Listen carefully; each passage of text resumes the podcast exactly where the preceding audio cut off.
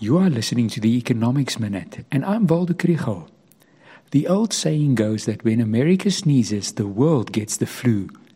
That's good enough reason to worry about inflation in the US, the rising interest rates, and whether it's going to cause a recession or a soft landing.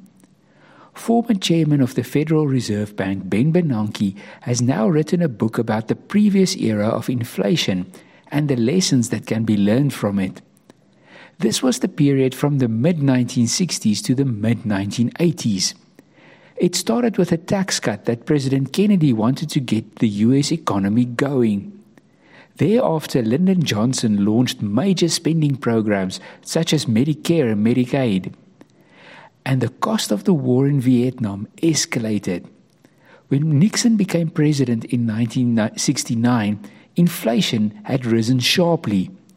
He, in turn, put pressure on the Fed to pursue expansionary monetary policy to help the economy grow, to help him win the 1972 election.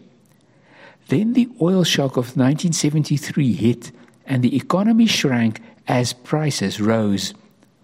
Direct control of prices did not work at all, but fear of an even deeper recession meant that interest rates were not raised.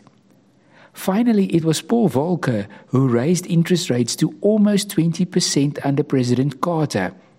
A deep but short lived recession followed, and then decades of stable prices and economic growth.